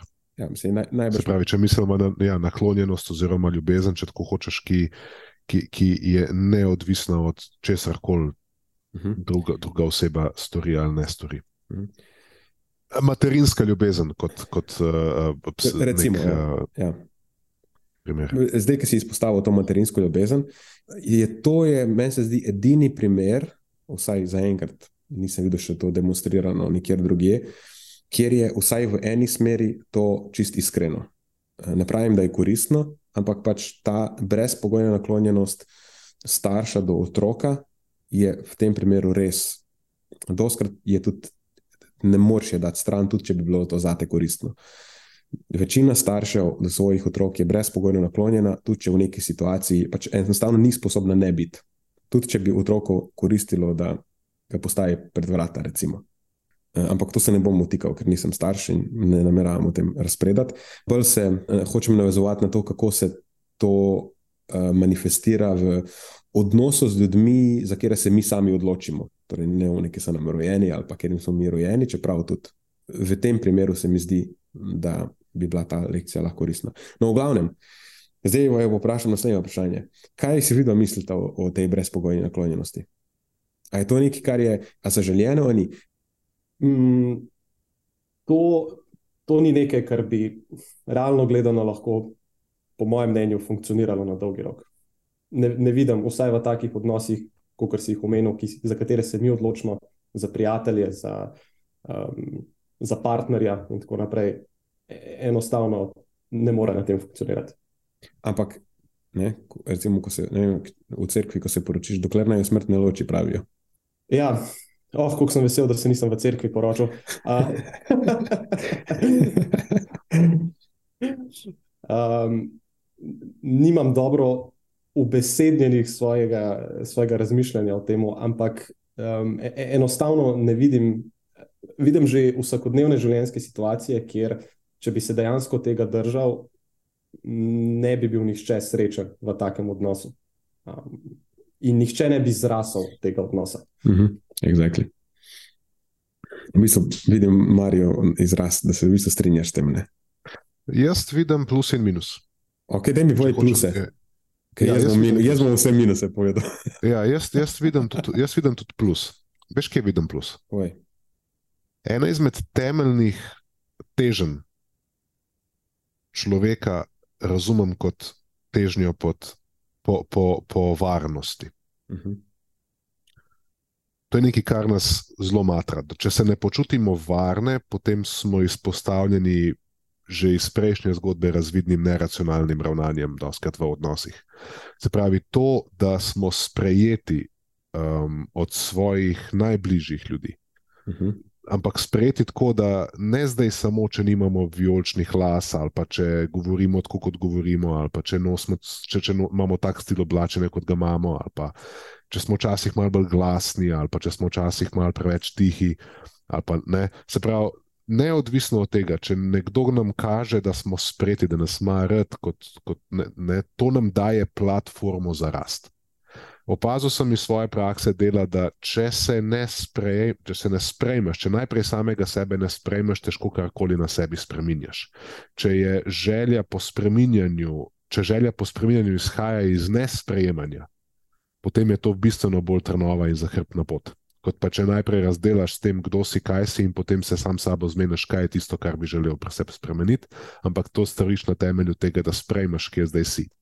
In to vidim kot plus, se pravi, nek tak dogovor, lej, dokler naj jo smrt ne loči, ali pa v smislu, mi dva bova skrb zavedno, ali pa ta neka naklonjenost, ki je brezpogojna, kot praviš, vidim plus v tem smislu, da v nekih, temu reč, idealiziranih okoliščinah bi lahko to pri partnerjema spodbujalo ravno to, varnost. Am, ampak, sem, a te lahko zmotim, dokler ne zaideš. To ni brezpogojno. Ker je pogoj, da je partner pripravljen videti svoje napake in s tabo sodelovati v tem, da se popravi v skladu s standardi, na, na katerih sta vidva v štartu vzpostavila odnos. To, to pol ni no. brezpogojno, to je pogoj, že takoj v štartu. Ja, sej. Ti ne pomeni, da šel... mu ne nudiš podpore, ne, samo je pod pogojem podpora. Ker če te ne bo nekdo drkal v glavo še naprej, pa ne bo pripravljen tega spremeniti.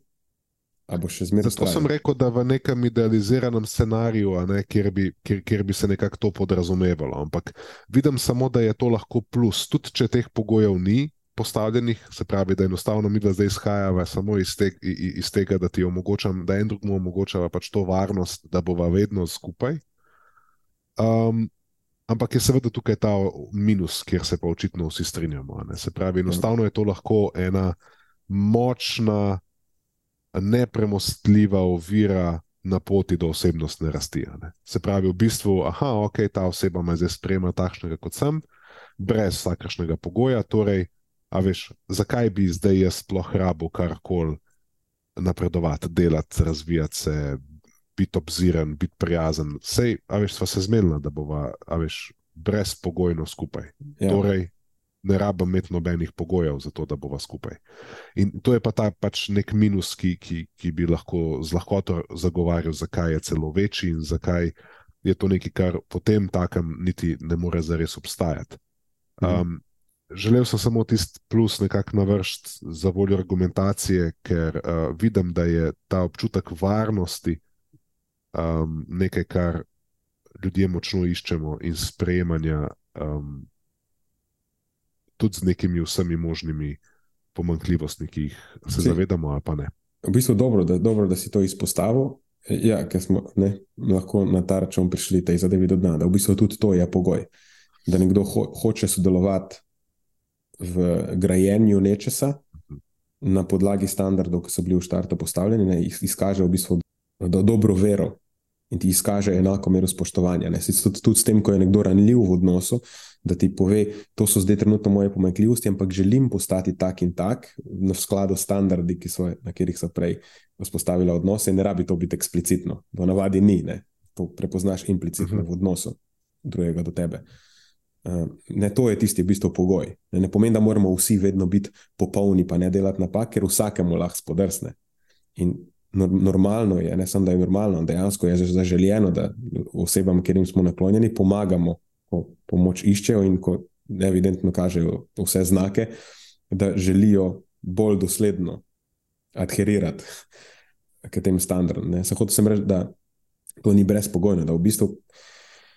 Sej, konkretno sem želel izpostaviti to brezpogojno naklonjenost, ampak neka splošna lekcija je, kar sem v zadnjem, v zadnjem letu malo več uh, pozornosti posvečal tem, kaj nam svet okoli nas, ali pa nekako trenutno um, razpoloženje, ki vlada v družbi, uh, sporoča o tem, kaj so neki ideali, ker jim je v odnosih smiselno stremeti, kako se mora en ali pa drug partner v takšnem in drugačnem odnosu obnašati. In sem ugotovil, v bistvu, da sporočila, ki jih dobivamo vem, iz strani medijev, v raznih filmih, nadaljevankah, itd., itd., so v bistvu povsem napačni. Jaz se res bojim za mladino, ki odrašča v tem trenutnem okolju in gleda te trenutne filme in te trenutne serije. In ker je vse, kar je demonstrirano na TV-ju, narobe. Pač kakovostni odnosi ne, mor, ne funkcionirajo na, na ta način, kot so trenutno prikazani na TV-ju, da funkcionirajo. In potem tudi ta, ta en ideal je, ki se reklamira, ne, brezpogojni naklonjenosti kot nekaj, kar je, dobre, kar je dobro. Jaz, mam, jaz sem zdaj naklonjen do nekoga, ne glede na to, kaj on dela, to je zdaj izkaz neke moje um, dobronamernosti, um, nesebičnosti, ne dajem celega sebe v, v ta odnos. Uh, da če mi je v bistvu vse, krej, vse prej kot to, v bistvu je en easy way out. Easy way out je v trenutni situaciji, ker je to v trenutni situaciji lažje. Ne samo na dolgi rok ne vodi v nič dobrega. Kot je Marijo že prej rekel, ne mogoče rast. To, to, to je ena stvar. Pa že na naslednji fazi pa itak vodi do degradacije odnosa. Ker, ker na, na eni strani nekdo, ki je prejemnik te uh, brezpogojne naklonjenosti, to slejko prej neha ceniti, ker nekaj, kar je brezpogojno, se jemlje za samoumevno, nekaj, kar se jemlje za samoumevno, tega ne moreš spoštovati, uh, ob tem ne moreš čutiti nekega posebnega zadovoljstva, pač to je sam tam. Zato ne rabim nič dati nazaj. In ljudje smo taki, slejko prej, začnemo stvari jemati za samoumevne. In na ta način ta oseba, ki daje brezpogojno naklonjenost, v bistvu uropa une druge osebe, da bi cenila njegovo prisotnost v življenju. V bistvu si je sam kriv. Oba dva, oba dva uropa za dober odnos. In pol na drugi strani je itak slejko prej eh, prije do tega, da se tudi ta oseba, ki je to brezpogojno naklonjeno zdaj, da se, mislim, vsaj v nekem malo boljšem scenariju, da se začne spraševati, pa dobro, kaj jaz tukaj delam, če ne dobivam za to nazaj. Ne. Uh, evidentno sodelujem v odnosu z neko osebo, ki ne želi več z mano sodelovati na, na ta način, ali pa po temi standardi, ki so bili postavljeni. Uh, in potem v najboljšem primeru je to samo recept za uh, nezadovoljstvo v življenju in, in je to smiselno čim prej prekiniti, ker drugače samo podaljšujejo muke. Tako da, ne, tudi če samo za primer, recimo, če naš odnos pogledaš. Na, na zunaj bi lahko rekel, da je, da je recimo, moja naklonjenost z vama je, je brezpogojna. Sam ni v bistvu brezpogojna, ni brezpogojna. V našem primeru, v praksi, se, se morda res zdi taka, ker je um, ustanovljena na, na standardih, ki v bistvu izvirajo iz vajenih, uh, uh, tako inherentnih osebnostnih lastnosti in vrednot, ki jih imata. In so te stvari bolj, več ali manj nespremenljive. Ne pričakujem, da se bo vajen način obnašanja, to, kar najbolj cenim pri vaju, kakorkoli drastično spremenilo. Zdaj, če bi recimo na neki točki ugotovil, da, recimo, da je Marijo kupil une jakne in mi bo začel o tem, uh, ne samo da bo pripravljen se z mano pogovarjati o tem, pa mi predstaviti, kaj se je zgodilo, pa mi pokazati neko mero ranljivosti. Itd., itd. Če, če, če bom jaz ga vprašal, model, kaj, je, kaj se je zgodilo s to jakno, ne, tako, ne veš, to je super jakna, stari moj, lej, pa se je znamka, veš, zdaj pa valjda je res star mani, če piše tako gor, ne, polno pa nisem rabo iti v trgovino sploh. Meni se to zdi super del, ne, veš, to je tako uno, mislim, ne pomeni, da zdaj tako in bom jaz rekel, model, da je bež, ti si neumen. Ampak, ampak ho, to, to, to bo samo ena. Začneš se odmikati, postopoma. Ja, začnem se odmikati. Po, počasi začnem eh, svojo naklonjenost, ne, svojo naklonjenost vedno odmerjam v sorazmerno, ne, v odnosu s tem, kako, so, kako dosledno so spoštovani ti neki standardi, na katerih je bil naj odnos utemeljen. In pač meni men Marijo dosledno iz dneva v dan demonstrira, da te standarde spoštuje, in jaz njemu demonstriram nazaj. In v različnih situacijah, in potem naj en odnos raste. Ne? Zdaj pa, pred čim bi jaz hotel posvariti, pa k čemu se bom jaz tudi probo bolj dosledno, se bom zavezal, da bom to bolj dosledno počel. Oziroma, pred čim se bom probo um, zavarovati, ali pa ja, biti bolj dosleden tudi pri tem, je, da včasih, ko do nekih oseb zgradimo določeno mero naklonjenosti, se zgodi, da jim začnemo gledati skozi skoz prste. Okay? In še, še posebno se to rado zgodi, če smo nagnjeni k igranju nekih rešiteljev, če, smo, če je del naše identitete, da smo problem solverji, če bi nekdo rad bil vedno princ na belem konju, če nekdo velja za neko dobričino in tako naprej. To, to so pol situacije, kjer lahko to zelo hitro postane problematično, ker ne, potem tudi zelo hitro lahko najdeš vse sorte izgovorov. Še za najbolj grobe kršitve standardov, lahko najdeš neki izgovor. Veš, v službi je pod stresom, zato se do mene konstantno obnaša kot kreten.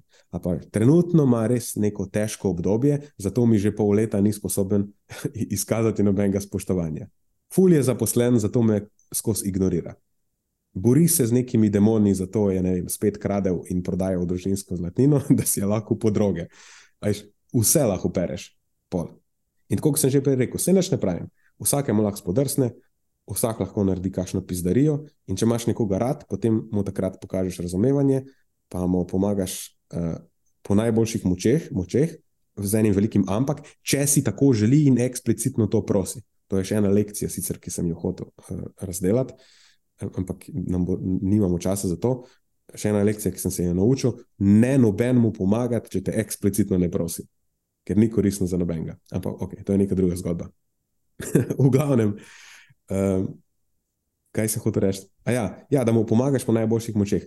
Sam, viš, velika razlika je med tem, Ali je to res en nek spodrsljaj, ali je neka je akutna situacija, iz katero se ta druga oseba hoče rešiti, kot je Marijo, ki je očitno demonstriral, da ne, je identificiral, da se mu je nekaj zgodilo in zdaj bo to nekako rešil, in pač pokaže vse znake, da hoče to rešiti in je pripravljen v tem reševanju sodelovati. Ali pa po drugi strani, če gre za nek vzorec, ki se konstantno ponavlja, ko oseba eh, evidentno ne kaže nobene želje po sanaciji dotične države. Ne, to sta kot dve zelo različni situaciji. Um, v, v glavnem, če se vrnem, ta brezpogojna naklonjenost, sicer na prvi pogled lahko zgleda kot ena zelo plemenita stvar, ne, tako kot je tudi rečeno. Razumevajoč sem, nesebičen sem, zdaj sem jaz pripravljen prevzeti del bremena, ne glede na vse, dokler nas smrt ne loči, ali pa ne, dokler asteroid ne pade na Zemljo in bo vse razneslo in bo konc sveta. Ker ja, če do nekoga čutimo naklonjenost, mu želimo pomagati, to, mu želimo pomagati, to je najbolj normalna stvar na svetu. Sam tukaj je zdaj ta problem. Ker s tem, ko smo nekomu brezpogojno naklonjeni, mu ne pomagamo.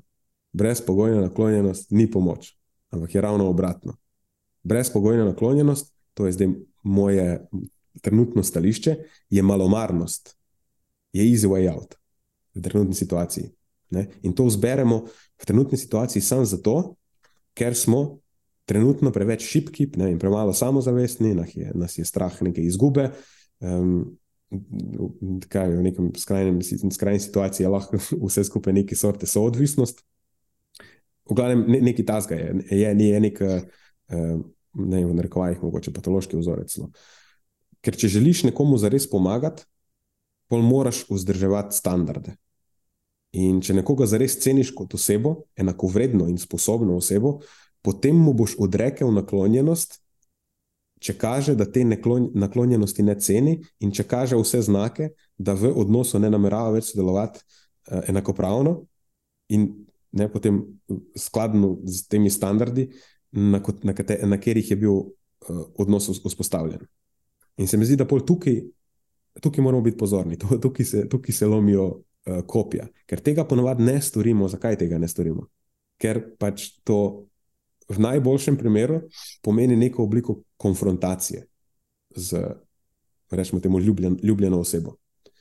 In če, tudi če je to zelo mila konfrontacija, še vedno rabiš eh, nek pogum, neko samozavest, da to storiš, in tudi cela situacija prinaša neko mero, eh, da jim rečemo, kaosa, ne, neko tveganje se pojavi. Ne?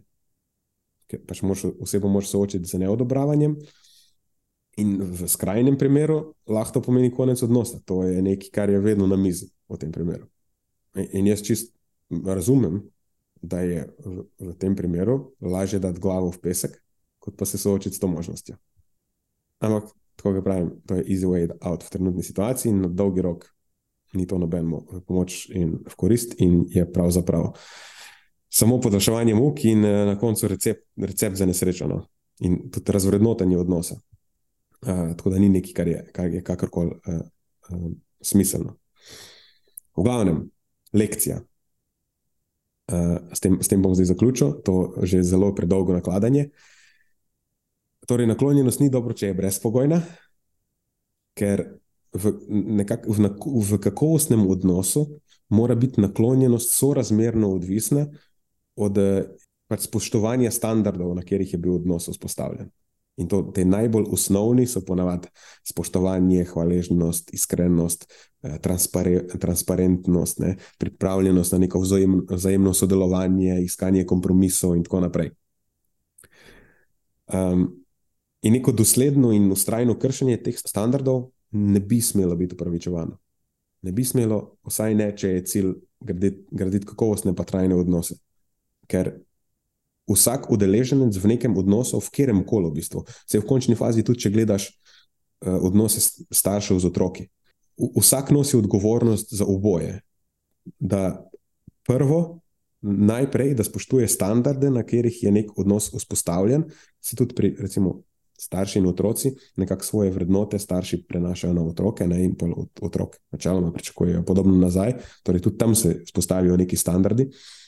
Idealno, v glavnem, torej prvo, da se najprej te standarde sam spoštuješ, eh, in potem na drugi točki, to je pa mogoče težji del, da tudi od drugega potem zahtevaš enako.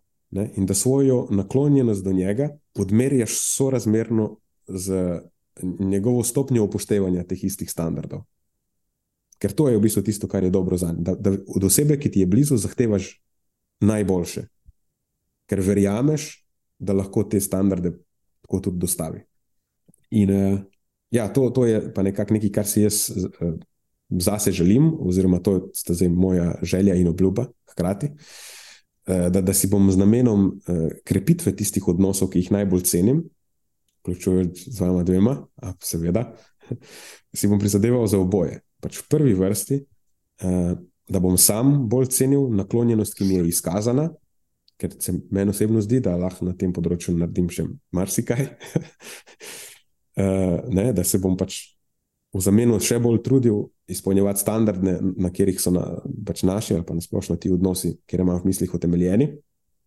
In pol tudi obratno, da bom potem svojo naklonjenost bolj dosledno odmerjal sorazmerno stopnjo upoštevanja teh istih standardov.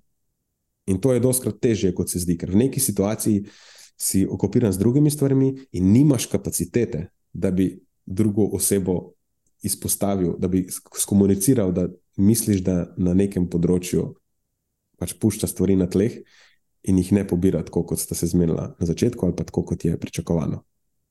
Bodi si eksplicitno ali pa implicitno. Ne? In je lažje dati glavo v pesek včasih. Ampak na, na dolgi rok to ni dobro za odnos. Ja, in tudi pri tem bom prav biti bolj dosleden, ker mi v preteklem letu ni zelo dobro uspevalo. Hvala, Nenad. Um, vračam za obljubo nazaj tebi, oziroma vama. Všeč mi je lekcija. Všeč mi je bil ta prehod na bolj osebnih odnosov. Uh, vidim tudi skupne stičišča uh, z mojo preomenjeno lekcijo. Uh, tako da super. Ja, to je to, tough love is the true love. Zdaj sem hotel povedati na zelo dolg način, kako nam bo Matjaž z, uh, bolj gledal čez prste, pa bolj kritiziral, uh, ker, uh, ker ne bova, ne bova kaj dobro naredila. Mislim, da je to nekaj, kar Matjaž od, že od skozi zahteva. Je, sem, ja, hitam se. Matjaž, moraš me bolj kritizirati. Ne? Zdaj, tebi je to bilo. Tebi je to bilo vrženo, ti je bilo uh, tako dobesedno v, v, v obraz, ti je bilo vrženo, da, se, da enostavno ne, ne zahtevaš od mene višjih standardov, Matjaš. ok, bomo bom vzeli to v zakup. ja, ok, fanta, je do to, je do to dovolj lekcij za danes, oziroma za to leto. Ja, zdaj lahko ti še edino pokomentiraš to mojo zadnjo lekcijo če imaš kaj za dodati. Ne, v bistvu nimam uh, kaj za dodati, si z vseh možnih vidikov vse loto tega. Da, uh, kar sem imel zapovedati, sem povedal v samem začetku, ko si me vprašal, um, kje vidim pač seveda očiten minus in, in kje vidim nekako mogoče nek, nek plus tega v nekih okoliščinah. Ampak um, te, te, to je nekaj, kar zahteva prisotnost. Uh mhm. -huh. To je moj, recimo, komentar z eno besedo to je nekaj, kar je, je, s čimer bi se težko kdo ne strinjal v teoriji, ali pa verjamem, da se bi kdo tudi ne strinjal s tem, ampak da večina mislim, da jim je to blizu, ampak v praksi zahteva prisotnost. Prisotnost je pa nekaj, kar se mi zdi, da je danes težje dati kot pa. V preteklosti, če izhajam iz te svoje relativno kratke preteklosti, se pravi, če samo izhajam iz 15, 16, 20 let, kar obstajam kot odrasla, razmišljujoča oseba, mi je bilo lažje, ko sem feel good, ko sem začenjal posel, mi je bilo lažje o nekih stvarih razmišljati, lažje mi je bilo neke stvari početi, ker sem lahko namenjal več pozornosti. Okolje je bilo temu. Nekako namenjeno je bilo s tem podprto. Danes je to težje, v bistvu, ful več je okolje, terja več pozornosti. Če nisi pozoren, jo lahko daješ na ogromno nekih področji, ki niso ničemer namenjena in te samo črpajo, in potem ti jo zmanjka, takrat, ko bi pa dejansko se štekaš, kaj hočem povedati. Ja, absolutno. In to je, to je moj, to, to je recimo komentar. Pozornost rabiš, med, ampak si jo moraš najprej, uh, uh, dovolj je moraš v tem okolju, v katerem živimo danes, ohraniti, da jo potem uspeš sploh delegirati. Ker če se ti samo zavedaš tega, da to je nekaj, čemu bi rad stremel, po drugi strani pa še vedno počneš stvari tako, kot jih počneš, potem boš enostavno zapadel v ciklu slabe vesti, ker ne bo ti ostalo na koncu dneva, ali pa ne bo ti ostalo dovolj, da bi lahko z nekom se usedel pa imel pogovor, iskren pogovor, pogovor, ki temelji na tem, o čemer si zdaj ti naredil predstavitev. To, to zahteva veliko, več kot se mogoče zdi. To ni neka stvar, ki jo mimo grede napišeš ali pa nekaj, kar uspod rešiš, ker je ja. torek, pa si se spomnil, ker mu zdaj lahko poveš. To je nekaj, kar zahteva v prvi vrsti z eno besedo pozornost. Ja. Kakovostni odnosi zahtevajo veliko pozornosti. Da naše okolje pa ni narejeno, ni prilagojeno. Je, v bistvu je narejeno tako, da ti na vsakem koraku odvrača pozornost. Odvrača pozornost stran od vsega tega, k, k nekim ali potrošniškim navadam, ali k nekim drugim, recimo zabavnim. Včeraj smo se pogovarjali o nekih dopominskih, a veš, uh, triggerjih, ki so narejeni tako, da so. Že ob na, navadnih dejanjih, kot so iti na VC, iti na VC ni več dovolj zanimivo. Moš iti na telefon, pa gledati rilse. Um, a veš, nekaj jesti ni več dovolj zanimivo, moraš vmes nekaj početi. Pogovarjati, gledati televizijo ni več dovolj zanimivo, ampak gledaš TV, pa vmes drkaš telefon. Se pravi, veš, vse povsod iščemo izkušnje, ki so na kvadrat, izkušnje, ki so nekaj več. In to nam tudi okolje omogoča, nam daje te potencirane izkušnje, ki še z večjo verjetnostjo potem jemljajo pozornost stran. Od vsakodnevnih stvari. To, kar si pa ti povedal, je pa nekaj zelo mondajnega, je pa nekaj zelo Ne, uh, um, ja, to ni zabavno. Ni zabavno početje, to hočem reči. Ni zabavno početje, ni, ni nek immediate dopamine trigger ali pa respons, ki se bo zgodil, ker boš ti se usedel, pa boš dobil trenutno gratifikacijo. Veš, je nekaj, kar bo mogoče prej obratno, je nekaj, kar ti bo ja. pustil še smok v grlu. Ali to pa ni nekaj, čemu bi ljudje tako migrirali masovno, ampak prej se, ne, je neka naravna tendenca, da okoli tega gremo kot mačka, okoli prele kaše, malo mal se ja. izogibamo do zadnjega. Tako da to je v bistvu ta moj zdaj komentar. Ne, Ni, ni, ni to neka stvar, ki jo, tako kot večina lekcij, v bistvu, če smo čist iskreni, tako kot večina lekcij, um, je, je energijsko zelo potratnih in zato večinoma ostaja samo pri lekcijah. In če greš pogledat lekcije, ki si jih napisal dve leti nazaj, tri leta nazaj, štiri leta nazaj, to jaz včasih počnem, ugotovim. Pet let nazaj sem pisal o nekih lekcijah, ki jih imam še danes težavo upoštevati. A veš, tukaj vidim, da se doska zatakne. Spraviš stvar v neko realizacijo, ampak potem to realizacijo pretvoriti v, v aktualizacijo, je pa, je pa, uh, je pa bistveno ja. teže, ker zahteva to pozornost. Sej, to je pa mogoče čisto zadnja lekcija. Ne moreš imeti lepih stvari, če se nisi pripravljen za njih potruditi. Ne? In tudi ne moreš imeti vseh lepih stvari na svetu. Moraš zbrati šop lepih stvari, ki jih hočeš imeti, in potem se za njih truditi. Boljše to, imeti šop lepih stvari, kot pa ne imeti ničesar, zato ker si želiš preveč lepih stvari, pa se za nobeno nisi pripravljen potruditi, ali pa nisi sposoben v neki dani situaciji. Boljše je imeti, ampak res imeti omejen šop tistih lepih stvari, ki si jih določil za naj, najpomembnejše. Mogoče je to nekaj, s čimer lahko zaključimo, da zaželimo vsem, ki nas poslušajo, en lep šop lepih stvari. Lepih stvari. Odlično.